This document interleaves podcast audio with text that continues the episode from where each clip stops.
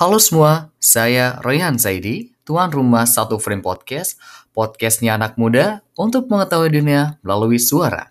Pada kesempatan kali ini kita sudah masuk ke episode ke-16 Satu Frame Podcast di segmen Bincang Satu Frame, di mana gue dan Rama akan membahas terkait dengan berprestasi terhalang organisasi, listen on Spotify. Halo semuanya, selamat datang di Satu Frame Podcast. Pada kesempatan kali ini kita sudah masuk ke episode ke-16 Satu Frame Podcast di segmen Bincang Satu Frame. Nah, kalau di empat episode sebelumnya kita sering dengerin curhatan dari para framer gitu ya. Jadi kesempatan kali ini gue sendiri sudah ngundang salah satu teman gue nan jauh di sana sih ya, di Jakarta. dan jauh di sana. Dan untuk pembahasan kita juga sangat menarik sekali ya. Ini cocok banget buat anak sis anak muda ya, baik siswa mahasiswa. Untuk pembahasan kita dulu ya, sebelum kita spill just speakernya kita, kita akan bahas terkait dengan berprogres terhal terhalang dari organisasi. Nah, sebenarnya nih uh, kenapa gue muncul topik pembahasan ini sendiri? Jadi banyak uh, para framer di rumah itu yang pengen uh, ada gitu loh yang terkait dengan pembahasan. Gue nih kak kok ya organisasi jadi penghalang gue untuk berprogres nih. Gue pengen ke kanan ke kiri kayaknya terhalang sama organisasi. Nah kita perlu validasi atau verifikasi gitu ya pada uh, kesempatan kali ini. Dan untuk guest speaker kita uh, di sini gue sudah ngundang teman gue ya dari uh, ujung barat Indonesia. Eh sorry ada Rama Fatur Rahman yang merupakan Ketua Badan Eksekutif Mahasiswa UPN Veteran Jakarta. Halo Ram, gimana kabar? Halo, ya Alhamdulillah baik. Gimana kabarnya Mas Royhan? Jangan panggil Mas Royhan lah ya, kelihatan tuh apa? Apa dong? ya. Oke, Roy. Gimana sih buka apa? Kabarnya baik, Roy. Ya. Sekarang lagi sibuk di BEM, uh, kemudian lagi di semester akhir lagi nyusun-nyusun skripsi. oh ya, kita sangkat. Gitu kesibukan sekarang. Kesangkatan ya kita Iya. Ya. Iya dong. Jadi ya, gue spill dikit nih. Ya. Setuju. Hmm. Gue, uh, gue nih sama Rama kenalnya itu tahun 2019 ya di salah satu kompetisi debat. Dan kita nih guys ya, udah tiga kali satu frame iya, ikut tiga kali ya tiga di tempat kali. yang sama. Ya, keren banget. BTW ini progresnya Rama juga sudah luar biasa. Dan gue kemarin ya, tahun lalu Rama jadi ketua BEM, gue sampai, wow, ini anak nih udah, udah, udah aja nih kata gue gitu sih Ram. Oke, okay, ini kan para framer di rumah gue spill okay. dan lu gitu kan, ketua BEM UPN Veteran Jakarta. Tapi nggak tahu secara hmm. detail bolehlah kasih di, tahu dikit backgroundnya Rama sendiri gitu monggo Iya, oke. Okay. Sebelum lebih jauh ya, kenalan dulu ya. Tak kenal maka tak sayang ya. Uh, kenalin, nama saya Rama Fatur Rahman. Ini apa nih? Gua, lu, saya atau apa? Gua, lu Bebas ya. Jangan saya. Oke. Okay. Biar santai ya. iya, iya. Oke, okay, ya gua Rama. Uh, saat ini gua kuliah uh, di UPN Veteran Jakarta ya di hmm. uh, Jakarta Selatan dan saat ini sedang semester 7 di program studi manajemen Fakultas Ekonomi dan Bisnis UPN Veteran Jakarta dan dan di tahun 2021 ini diamanahkan sebagai ketua Badan Eksekutif Mahasiswa atau mungkin uh, di kampus mungkin sebutannya adalah presiden mahasiswa. Begitu teman-teman ya. Presma ya. Jadi Presmanya iya. uh, eh, UPN Veteran Jakarta ini ini sangat menarik ya para framer di rumah. Gua ngundang Rama ini nggak murah loh ya. Ya Ram ya. jadi jadi lu pada ya. Jadi harus dengerin dari awal iya. sampai akhirnya. Aduh, ini bakal yang kita dapetin ini bang, bakal banyak. Dan barusan disebut bahwa daerah uh, lu itu Jakarta Selatan, anak Jaksel. Eh, anak Jaksel BTW kalau ngomong kayak literally gitu, which is gitu gak sih? Iya, sebenarnya itu enggak juga sih. Ya, oh. ya mungkin ada sebagian seperti itu ya. Kalau gue sebenarnya aslinya asli Bogor, Bogor Jawa Barat. Nah kalau di Jakarta itu kuliah aja sih gitu. Oh, orang Bogor berarti ngomong Sunda gitu ya, Ram ya? iya. iya, kumaha damang. Kumaha damang. Kayak dia, kayak itu gitu. Taunya dulu itu doang gue. iya, okay. banyak-banyak lah main ke sini. Iya, gue pengen sih main lagi sih, Ram. Jadi kan gue tahun lalu nih kebetulan pernah ke Bandung ya dan satu frame sama Rama juga hmm. ya para framer di rumah. Iya, 2020 ya. 2020 sebelum pandemi ya Ram ya, gila. Iya, Februari. ya, bisa ke mana-mana. Eh, ternyata udah ya walaupun ketemu online ya, tapi ya yang penting aset raminya tetap berjalan gitu ya. Nah, Oke, tapi ini Rama fokus ke BEM aja atau ada lang ada yang lain nih Ram sekarang? Oh iya, kalau sekarang sih uh, lagi fokusnya di BEM. Kemudian kalau fokus yang lain mungkin ini ya, uh, Rama kan tinggal di asrama, asrama mahasiswa. Jadi di situ uh, nggak nggak hanya kuliah, tapi juga belajar ya uh, seperti belajar ngaji lah gitu. Hmm. mungkin bahasa ininya. Uh, kemudian juga lagi nyusun skripsi ya karena udah semester 7 ya doakan semuanya supaya tiga setengah tahun amin, amin. tahun ini ya yeah. amin iya terus juga masih suka ini sih nyempetin waktu untuk ikut-ikut lomba gitu ya kayak kemarin alhamdulillah dapat uh, eh, kesempatan buat jadi juara satu ya Roy ya di bulan Mei ya gitu sih kesibukan sekarang keren ya Rama nih gue lihat ini kan waktu 2019 kita ketemu sampai 2021 gitu kan. Setiap tahun kayaknya ketemu aja gitu kan ya Ram ya. Progresnya iya. itu loh framer. Itu udah dari public speaking, jangan ditanya ya public speakingnya anak ketua BEM gitu kan pasti bagus gitu. Ini anak udah udah bagus hmm. banget gitu.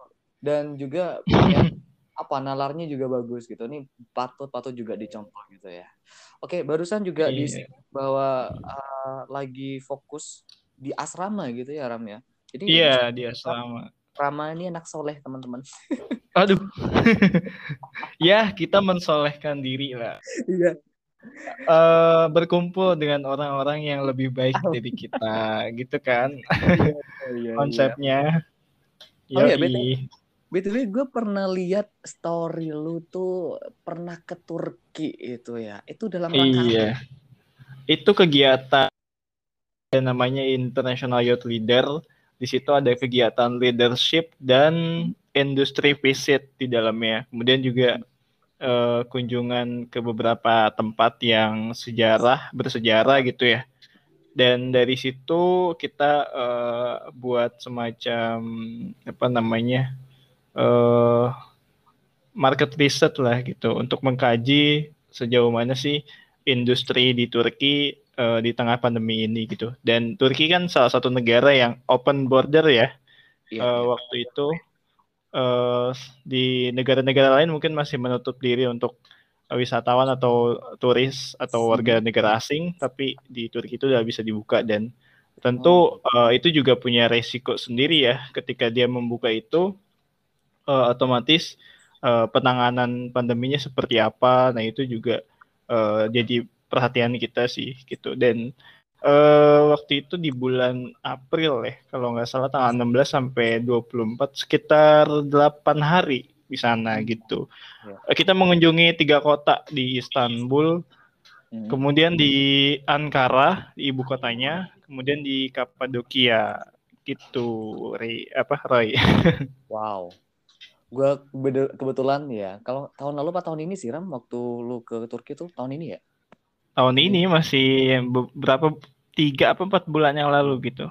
Gue tuh lihat storynya Rama ke Turki gitu ya. Gue, weh anak ini udah keluar negeri aja gitu kan ya. Udah keluar negeri aja, udah kayak wah pengen lah gue keluar negeri juga. Iya dong, gitu iya. Mumpung mumpung masih mahasiswa kan. Oh, oh gitu. Ya, ya apa ya gitu. Saat ini udah pandemi gitu. Susah memang hmm. sebenarnya cari event hmm. internasional itu yang keluar gitu ya. Oke, kita balik ke topik lagi ya. Oke, uh, kita fokusnya topik pembahasan kita adalah progres terhalang organisasi dan hmm. backgroundnya Rama sendiri kan Ketua BEM UPN Veteran Jakarta. Sebelum kita fokus nih Ram ke topik pembahasan, hmm. ceritain dikit lah ke framer di rumah gitu. Uh, tangani ya bisa dikatakan. Gimana tuh? Oh tentang apa? Uh, tentang organisasi ya? Iya organisasi BEM-nya. Oke, ya uh, organisasi BEM. Uh, ini teman-teman dari mana nih? Mahasiswa atau umum ya? Oh mungkin mahasiswa, umum ya? Mahasiswa sih. Sebenarnya. Oh iya, ya. Jadi teman-teman pasti sudah tahu ya kalau di dunia perkuliahan itu ada yang namanya Ormawa, ya organisasi kemahasiswaan, ya ada UKM, ada KSM, ya. Kalau yeah. Ormawa ini ada kalau kita sebut sebagai student government ya, ada badan eksekutif mahasiswa ya, lembaga eksekutifnya, ada MPM, kalau di gue namanya MPM, Majelis Permusyawaratan Mahasiswa. Kalau di tempat lain mungkin DPM atau apa gitu ya. Uh, yang penting sama, sama intinya yaitu legislatif. Nah, kemudian juga ada MM ya, Mahkamah Mahasiswa. Nah, ini mungkin hanya sebagian kampus, jadi nggak belum semua sih kampus memiliki MM gitu. Nah, balik lagi ya kalau BEM itu uh, organisasi eksekutif ya uh, di student government. Kita kalau bicara pemerintah ya kita uh, kalau BEM itu ya pemerintahnya gitu ya yang saat ini dipimpin oleh uh, Presiden Jokowi dan menteri-menterinya gitu. Nah, begitupun di BEM gitu ya, konsepnya sama. Jadi uh, uh, saya itu ikut pemilihan Taya ya dan uh, alhamdulillah diamanahkan sebagai ya dari hasil kontestasi pemilihan raya tersebut uh, selama satu tahun gitu dari mulai Desember dan nanti insya Allah di 2021 ya lengsernya. Seperti itu. Jadi kalau di BEM itu sendiri apa sih fungsi-fungsinya kita ada beberapa fungsi ya, ada fungsi advokasi siswa, ada fungsi untuk uh, apa namanya meningkatkan minat bakat mahasiswa, ada fungsi untuk meningkatkan prestasi, mengakselerasi kemampuan prestasi mahasiswa-mahasiswa ya.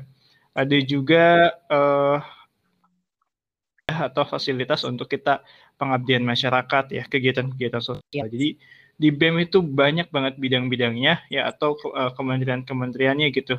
Dan itu masing-masing uh, apa namanya uh, fokus uh, yang yang terpenting sih sebenarnya dari BEM itu uh, sama hanya dengan pemerintahan ya. Ada ber, ada banyak banget uh, bidang kerja ya dan itu uh, betul-betul padat sih kegiatannya. saya sendiri merasakan ya ketika jadi ketua BEM harus mengurusi uh, bagian pengabdian masyarakat, bagian sosial politik juga ya, analisis kebijakan publik. Kemudian yeah. uh, yang tadi sudah disebutkan, kita juga harus akselerasi nih prestasi-prestasi mahasiswa ya, supaya meningkatkan uh, perguruan tinggi ya, peringkat perguruan tinggi.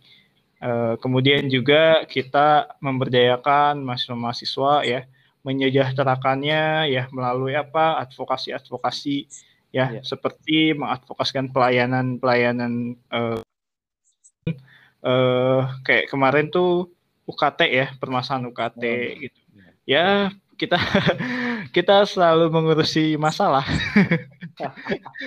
seperti itulah kita kerja-kerja eksekutif Oke, ini banyak kita dapat insight uh, banyak ya teman-teman. Gue sendiri kan bukan di organisasi BEM, jadi hmm. uh, Rama cerita ini gue sedikit tahu gitu loh uh, tugas dari BEM itu sendiri dan gue sendiri kemarin sering lihat storynya Rama lagi nih ya, karena apa tuh?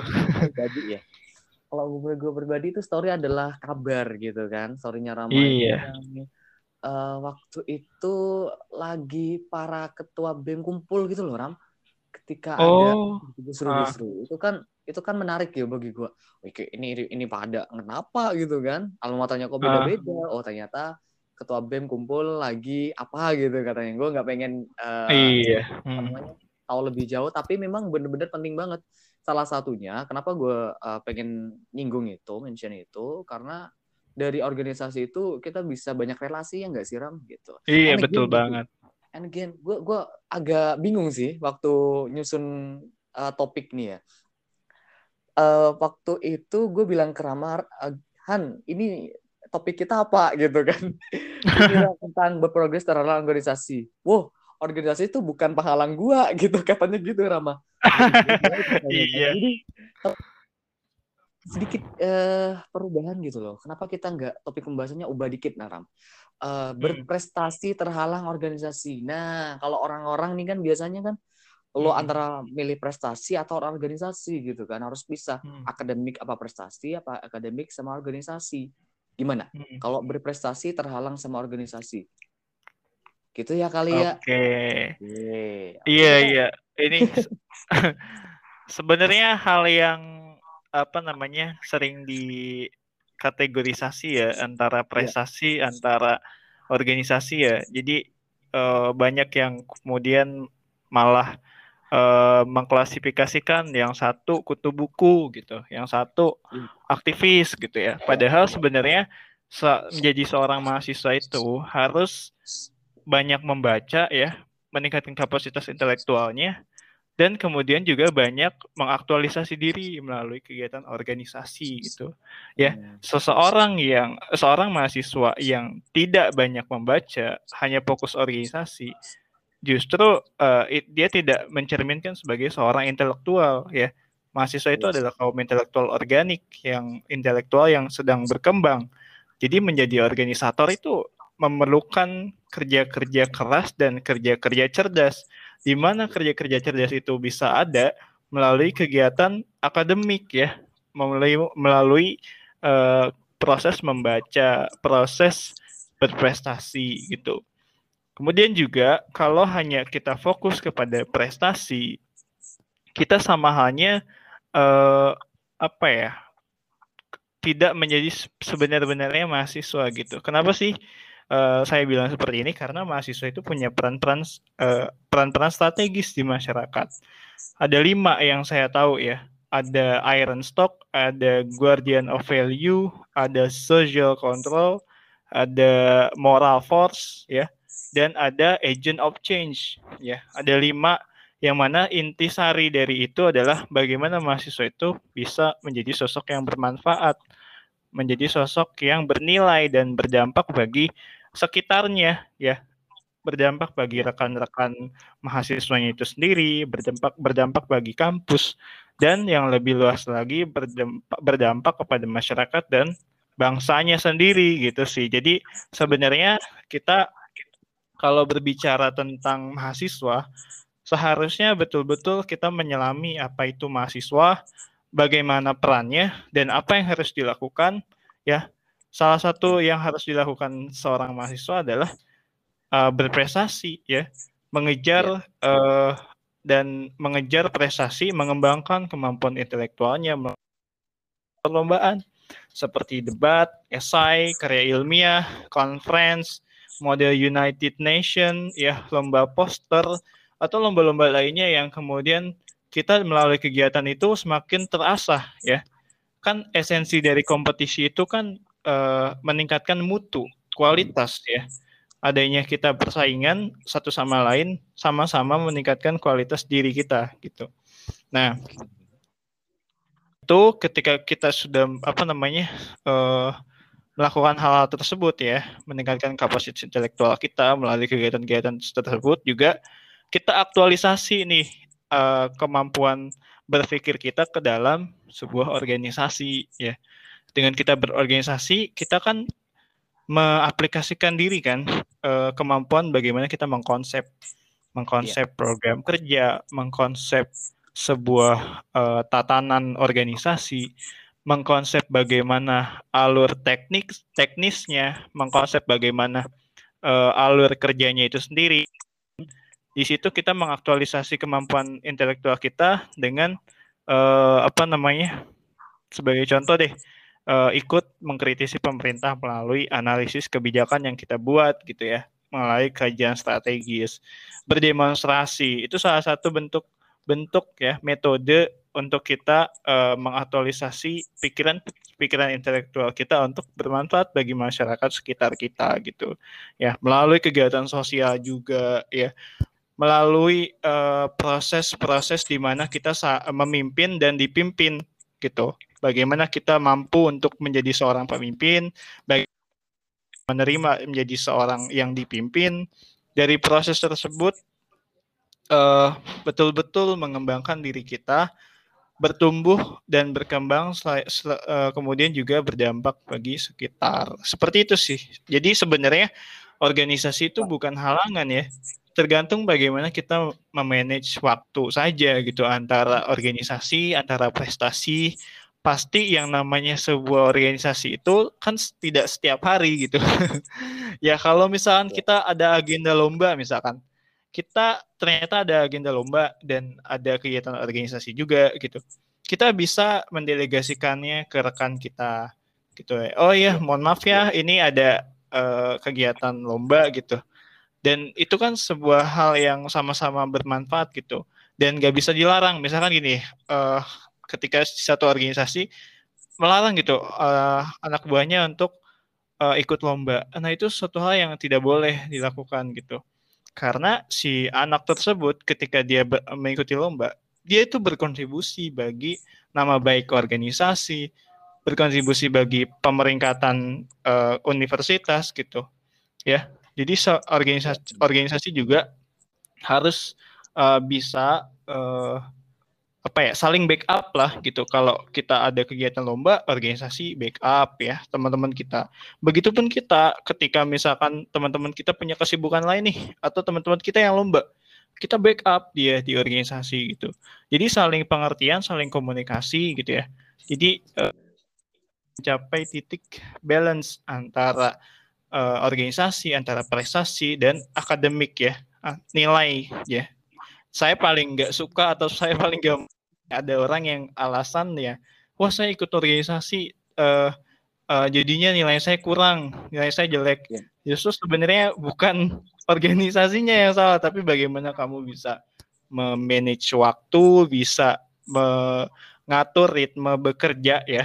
Uh, jadi di ketika kita belajar organisasi kita akan memahami bagaimana ritme bekerja kita. Tubuh kita ini gimana sih uh, ritme kerjanya ya dalam satu hari itu tidurnya berapa lama, kemudian membaca bukunya berapa lama, kemudian kuliahnya berapa lama, rapatnya berapa lama gitu. Dari ritme-ritme tersebut kita mulai terbiasa menjadi sosok yang produktif gitu. Jadi sebenarnya organisasi bukanlah penghalang untuk uh, berprestasi. Seperti itu sih Mas Roy ya. Wow. Ini udah banyak banget ya insight yang diberikan oleh Rama sendiri gitu. Uh, padahal gue belum nanya yang lainnya nih ya, udah dijawab aja semua. Ya, gimana ya? Gak apa-apa, Ini bener-bener banget, bener banget sih. Cembung kok, nyambung kok. Jadi memang uh, Pak, ini sebenarnya ya dari topik pembahasan ini muncul ada kekhawatiran para framer ya. Framer ini pendengarnya satu frame nih. Kalau uh, Wih, keren keren. ini para iya, framer yeah, di yeah. rumah tuh berat sama gue kan eh mas kak gitu. Gue kan ikut organisasi nih gitu. Gue pengen hmm. berkembang ikut eh, ikut lomba ikut apa namanya ya daftar lomba ini ini kok kayak gak bisa ya. Soalnya kayak hmm. sibuk gitu ya. Rapat harus ada ketemu ini A B C D. Gue kayak yeah. kehalang gitu loh. Dan itu kata-kata kehalang mungkin memang uh, apalagi kuliahnya ya apalagi kuliahnya juga banyak tugas gitu. Boro-boro mau berprestasi tiga saja keteteran iya. gitu kan. Ini kan jadi muncul sebuah topik pembahasan gini gitu loh Ram. Jadi buat teman-teman yang para framer di rumah yang uh, kejadiannya seperti itu gimana nih Ram? Uh, lu kayak oke okay, katanya Rama barusan you have uh, must good gitu kan. Lu harus yeah. punya time yang bagus. Tapi kan nggak semua orang punya time management yang baik gitu kan. Jadi gimana nih Ram? Hmm. Dengan dengan waktu yang mungkin singkat jadi uh, organisatoris dan lu kayak punya waktu singkat juga untuk berprestasi gitu kan di masa kuliah ini lu agak bimbang gitu walaupun iya. ketika yeah. lu jadi akademisi gitu kan organisator hmm. sama hmm. juga berprestasi ini keren gitu tapi ini sebuah yeah. pilihan bagi semua orang gitu itu gimana Ram?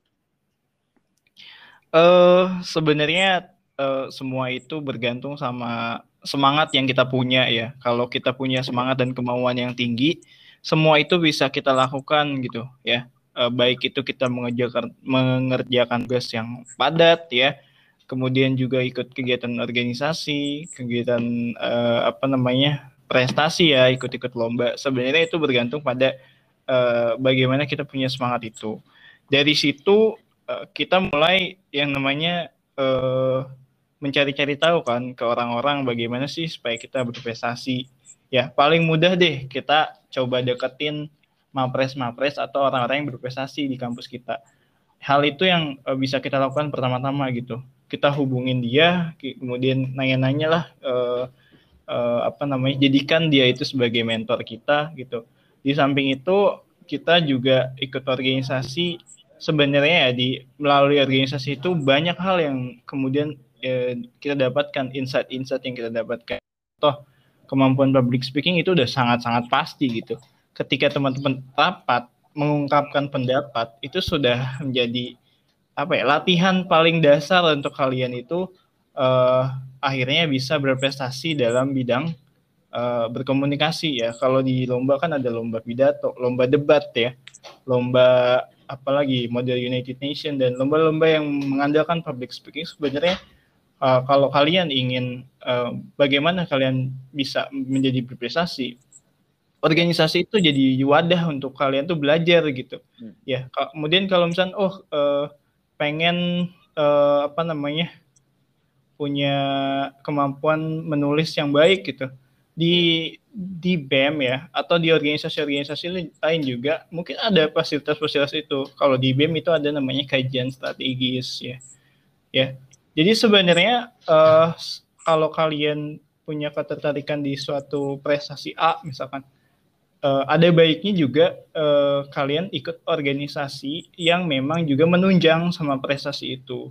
Ya, syukur-syukur kalau misalkan kalian oh ternyata organisasi B sama prestasi prestasi A itu gak nyambung sama sekali, tapi kalian ternyata bisa. Nah, itu mungkin kasusnya beda ya. Oh, itu tergantung dari kemampuan individu masing-masing ya, bakat ya atau kerja keras masing-masing. Tapi kalau cara untuk uh, kemudian kita bisa uh, berprestasi dan berorganisasi yang sejalan, ikutlah organisasi-organisasi yang menunjang itu. Misalkan kalian suka debat nih, kalian ikutnya organisasi forum debat atau for, uh, apa namanya organisasi yang melatih public speaking, UKM uh, apa namanya master seremoni ya uh, eh, MC ya itu bisa banget gitu. Atau kalian punya uh, apa namanya ke keinginan berprestasi karya ilmiah ikutlah apa namanya sebuah komunitas ataupun sebuah organisasi yang menunjang itu gitu. Atau teman-teman punya keinginan di catur atau olahraga gitu. Dan itu kan UKM UKM itu adalah sebuah organisasi gitu. Ya sebenarnya kita ini uh, memberikan sesuatu kepada organisasi dan di balik itu juga organisasi memberikan sesuatu kepada kita. Makanya preferensi atau bagaimana kita memilih organisasi itu juga harus kita analisis gitu. Enggak enggak hanya sekedar ingin tahu, tapi benar-benar kalian merasa butuh ketika kalian uh, ikut organisasi itu gitu. Urgen atau penting atau relevan lah untuk kita ikuti gitu uh, benefit apa sih yang bisa kita dapat gitu? Selain dari sertifikat. Selain dari sel, selain dari CV ya. Kalau menurut menurut saya sih menurut gue ya kalau CV sertifikat oke okay, ada pengaruhnya sih untuk misalkan di interview di dunia kerja ya. Tapi mungkin itu sebenarnya nggak terlalu ini banget lah. Uh, yang terpenting adalah bagaimana kalian berda, uh, berkembang gitu di suatu organisasi itu. Wah kalian mengerti nih cara kerja organisasi.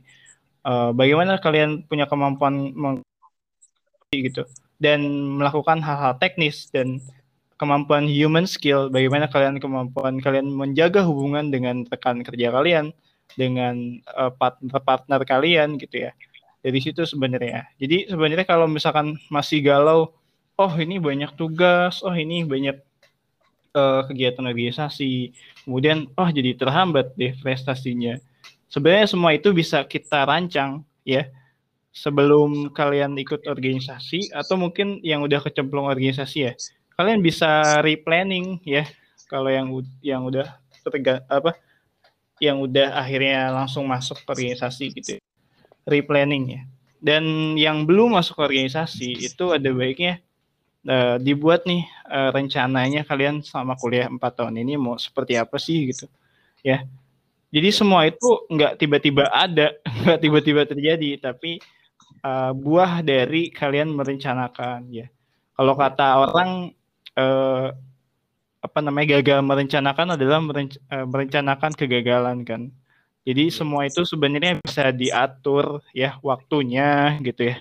Uh, kalau tugas uh, iya sih banyak sih ya tugas ya, tapi sih uh, saya pribadi ya kalau soal tugas itu masih aman-aman aja ya.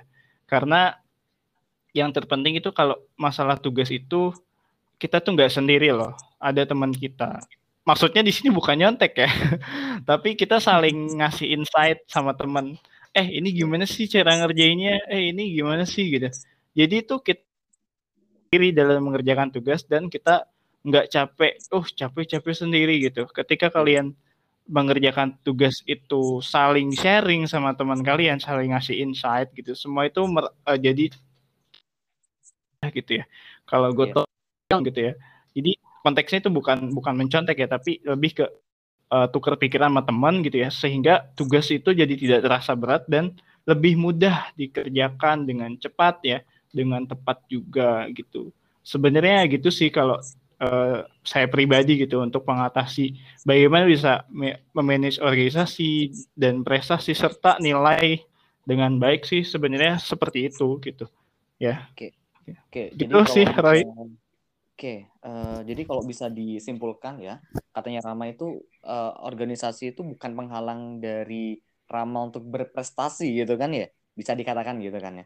Oke, mm. gue ada beberapa poin sedikit nih sebenarnya. Uh, lu bilang bahwa organisasi itu wadah, oke, wadah. Tapi balik lagi sih Ram, ketika kita fokus banyak sih di lapangan, mm. uh, tapi konsep dari organisasi ini kan bagus kan, ada UKM di kegiatan mahasiswa gitu, mm. juga kebetulan kemarin juga uh, masuk di UKM, berapa UKM juga. Fokus kita sebenarnya pengen kembangin hmm. diri di sana gitu kan, berprogres gitu, hmm. uh, berprogres. Oke, okay, uh, eh, UKM tentang musik, oke okay, kita ke sana pengen fokus ke musik, tentang kewirausahaan pengen ke bisnis, tentang keilmihan, hmm. pengen fokus ke juga ke lomba-lomba tentang ilmiah. But and again, ketika yeah. lu udah nyemplung ya, jadi pengurus nih, pengurus atau yeah. organisatoris di sana, lu nggak bakal fokus di bagian progresnya gitu loh. Lu bakal fokus di bagaimana hmm. pengembangan hmm. organisasinya gitu. Ini udah hal yang wajar di lapangan gitu. Di mana lu kayak cuma bener-bener fokus ke rapatnya, nggak bener-bener fokus ke ini udah ada banyak banget di beberapa kampus juga gitu. Di mana UKM ini ini uh, covernya untuk mengembangkan minat mahasiswa di bagian A, B, C, D, tapi yeah. selalu nyemplung hmm nggak bener-bener mengembangkan cuma sekedar wadah organisasi buat rapat ABCD gitu itu menurut lu gimana nak? Iya uh, sebenarnya yang paling sulit diubah dari sebuah organisasi ya yang paling sulit dari sebuah manajemen organisasi adalah mengubah kultur yang sudah kepalang menjadi kultus. Ini quotesnya senior gue nih. Ya, ya. gue storyin juga. Ya sebenarnya uh, kultur organisasi yang seperti itu, siapa yang bisa mengubahnya? Yang mengubahnya adalah kita.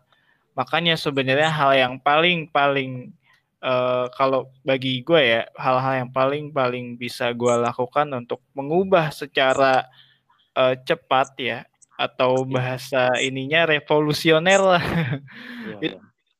pimpinannya gitu. Oh, Ketika gue jadi leader, gue jadi leader nih gua akan mengubah sistemnya, mengubah yeah. kultur organisasinya gitu.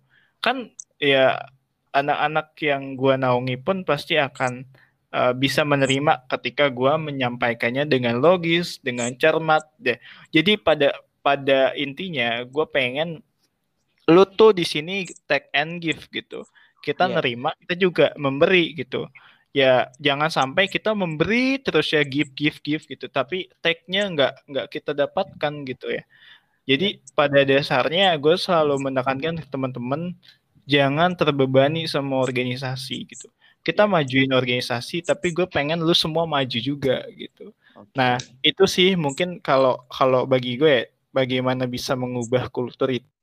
Gue uh, melakukan cara mengambil peran-peran strategis. Karena gue apa ya mungkin ini pengaruh dari karakter gue juga yang yang lebih suka untuk mengkomander sesuatu gitu yeah. ya pada dasarnya uh, sama sih Roy kita punya punya keresahan yang sama gitu yeah. ya menurut gue kepemimpinan itu adalah panggilan hati ya panggilan hati atas keresahan-keresahan yang kita punya ketika kita melihat wah UKM ini kok kayak gini ya gitu. Ya, kitalah yang punya keresahan itu dan merasa terpanggil sebagai sosok pemimpin, ambillah peran strategis kepemimpinan itu dan kita lakukan perubahan-perubahan yang konkret ya, yang signifikan bagi sebuah organisasi. Jadi menurut gue sih, gue gua apa ya?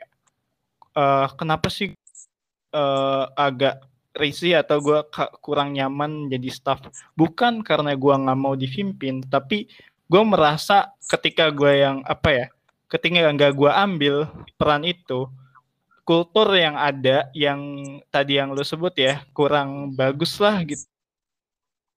Malah sibuk untuk kontribusi organisasinya aja gitu. Jadi uh, malah seperti jadi sesuatu yang terus menerus ada. Tapi ketika gue berusaha masuk untuk jadi leader, gue membuat sistem, membuat alur kerja gitu ya. Dan gue ya. di sana berdebat ya. Di sana gue me, apa namanya memasukkan gagasan-gagasan gue ini gitu. Ya sebenarnya seperti itu kalau tips dari gue ya. Dan lu nggak usah khawatir kalau jadi pemimpin, wah lu sibuk banget gitu. Sebenarnya semua itu sama gitu. Misalnya nih gue, gue ketua BEM, terus ada bagian koordinator bidang, ada ke ada kepala biro, ada staff. Menurut gue ya, menurut gue ini menurut gue ya, kita tuh semua sama-sama kerjanya capek sebenarnya. Karena yeah. uh, yang jadi staff dia mengerjakan hal-hal yang menjadi kepala departemen dia harus koordinasi punya kemampuan dengan atasan dengan bawahan dan gue yang ada di pucuk pimpinan harus menguras energi untuk me mengeluarkan kemampuan gitu. Jadi sebenarnya kita semua itu kalau gue anggap ya sama-sama sibuk, sama-sama capek. Tapi tapi bedanya adalah bagaimana kewenangannya, kekuasaannya gitu. Jadi ketika gue punya peran kepemimpinan, gue bisa banyak intervensi hal-hal yang menurut gue justru merugikan individu-individunya gitu gue selalu berusaha untuk kayak lu uh, memajukan organisasi juga memajukan diri lu gitu gitu sih. Kelamaan ya gue ngomong ya. Enggak sih gue gue dapat ini keren banget sih lu. Lu lu lu sumpah cara jawaban lu tuh juga sangat intelektual sekali ya udah kelihatan ya Wak ya. Waduh. kelihatan banget. Tadi itu beberapa poin gue gue hack uh, instan ya tulis ya. Uh, budaya itu dari kultur jadi kultus gitu ya. Kita juga perlu yang namanya iya. revolusioner. iya dan bener banget kata lu tadi bahwa ketika iya. pengen mengubah sistem itu lu harus masuk ke sistemnya. Dan jangan jadi staff dulu jadi pimpinannya. Karena itu gampang ngubah sistem. Ini bener-bener gue juga dapetin beberapa dari beberapa orang gitu. Ini bener banget kalau teman-teman ada keresahan gitu ya. Para framer di rumah ada keresahan terkait. Kok gue masuk ke UKM A? Kok gue kayak gue terus nih yang berkontribusi gitu kan iya gue nih kapan nih dapat gue dapat dari uh, apa namanya dari organisasinya gitu kan nah makanya masuklah ke sistemnya dan jadilah pimpinan gitu nih kayak kayak Rama ini loh guys Oke, okay, uh, eh, ini kita udah ngobrol 30-an menit ini Ram, gak kerasa. Waduh, banyak banget nih. Sumpah. Iya. Gak kerasa ya. Apa namanya? Aduh obro karena obrolannya menarik gitu ya jadi nggak kerasa. Oke okay, buat yang selanjutnya nih Ram uh, apa sih pesan untuk uh, lu sendiri bagi anak muda nih ya bagi para framer di rumah? Mungkin mungkin terkait dengan topik pembahasan kita berprestasi terhalang sama organisasi. Monggo. Oh iya uh, buat teman-teman yang ada di rumah yang dengerin podcast ini ya uh, pesan yang mau gue sampaikan sih sebenarnya simple gitu. Ketika kalian uh, apalagi yang khususnya mahasiswa ya dapat kesempatan kuliah gitu. Kalian harus bisa merenungkan diri kalian sebenarnya apa sih tujuan kalian kuliah esensinya kuliah itu apa dan apa peran kalian untuk sekitar kalian gitu. Dari status kalian sebagai mahasiswa. Nah dari situ kalian apa ya di di, san, uh, di samping kalian punya kesempatan mewah menjadi mahasiswa berkontribusi bagi sekitar kalian gitu ya dan jangan lupa untuk kalian tetap berprestasi ya. Uh, seminimal-minimalnya tujuan kita berprestasi itu adalah untuk membahagiakan orang tua kita untuk menyenangkan kawan-kawan atau teman-teman kita sendiri gitu ya. Dan memberikan contoh yang baik kepada teman-teman kita juga gitu. Jadi sebenarnya semua hal itu bisa kita uh, apa namanya raih gitu ya. Coba aja terus sebenarnya uh, jangan takut gagal ya. Karena gue sendiri lomba debat ya. Contohnya lomba debat ya. gue juara itu paling dua tiga kali deh malah iya. sepuluh kali kayaknya kalah di gue jadi jangan pernah nyerah lah. Jangan pernah nyerah dari sebuah kegagalan gitu. Ya terus dicoba. Begitupun organisasi. Gue pun pernah ditolak organisasi. Gue masuk organisasi waktu itu namanya BI Corner deh itu anak-anak uh, beasiswa B, BI gitu. Yeah. gue daftar eh gue nggak di, gue nggak dilolosin ya gue waktu itu wah kecewa banget kan ya ya mungkin uh, apa ya bukan kes bukan rezekinya gue di situ ya dan mungkin ada kesempatan lain atau uh, apa namanya organisasi lain yang lebih cocok sama gua gitu. Jadi sebenarnya coba coba coba semua gitu. Mumpung kalian jadi mahasiswa, ini tuh mahasiswa itu uh, kesempatan trial and error lah gitu. Sebelum yeah. kalian uh, hidup di masyarakat. Gitu sih ya dari gua. Semangat. mahasiswa itu uh, adalah fase trial and error gitu ya. Mau gak mau lo ya nggak apa-apa ben, apa namanya jatuh bangun nih hal yang wajar gitu ya Ram ya tadi juga disebutin iya. bahwa ditolak sama organisasi eh sekarang ngomong eh lo yang nolak gue ini lo gue ketua bem gitu Gak apa ya, sombong dikit, sombong dikit aja gitu loh. Kapan lagi sombong gitu sebagai ketua BEM gini. Ini lo gue ketua BEM, lu nolak gue nih dulu gitu. Oke, okay, ini uh, banyak banget insight yang gue pribadi dapetin gitu ya. Jadi juga uh, gue harap bagi para framer di rumah yang dengerin uh, podcast episode ke-16 ini bakal dapetin banyak insight dari Rama Faturahman yang merupakan ketua BEM dari PN Veteran Jakarta. Kalau pengen ngobrol sih sebenarnya 24 jam gitu ya Ram ya, tapi balik lagi namanya iya dong. tidak ada limitasi waktu gitu ya. Dan uh, thank you very much nih ya buat Rama dari selak okay. kesibukannya masih pengen ngobrol sama gua. Terus nih, uh, bayarannya Rama ini ya, mahal loh ya. Harus, harus spill spill nah, Rama. Gue ter, tersanjung sekali gue diundang ke podcast ini gitu oh, oleh mahasiswa berprestasi UNED gitu. Jangan gitu, jangan dipuji nanti saya terbang Ram.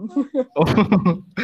Okay. Tapi benar-benar uh, Rama ini salah satu orang yang uh, apa namanya dia punya dari juang tinggi juga punya nalar yang keren sih kalau menurut gua. Jadi uh, jangan apa namanya ini bagus banget nih para framer di rumah dengerin podcast ke episode ke-16 yang di speaker kita ada Rama gitu. Uh, tapi sorry ya kita juga terhalang sama waktu. Mungkin kita cukupkan di sini dulu ya Ram ya. Yoi. Oke, okay. thank you very much buat Rama dan buat para di rumah. Sorry apabila ada kesalahan dari kata-kata gua atau Rama yang menyinggung dari hati para hmm. ya namanya juga manusia gitu ya, Wak ya. Pasti Iya, yeah, sorry banget. ya, sorry ya guys ya gitu. ya, ini itu saja yang dapat gue sampaikan dan Rama sampaikan di podcast ke-16 tentang berprestasi terhalang organisasi. Cukup sekian dan see you next episode. Dadah. Thank you, Ram. Thank you. Dadah.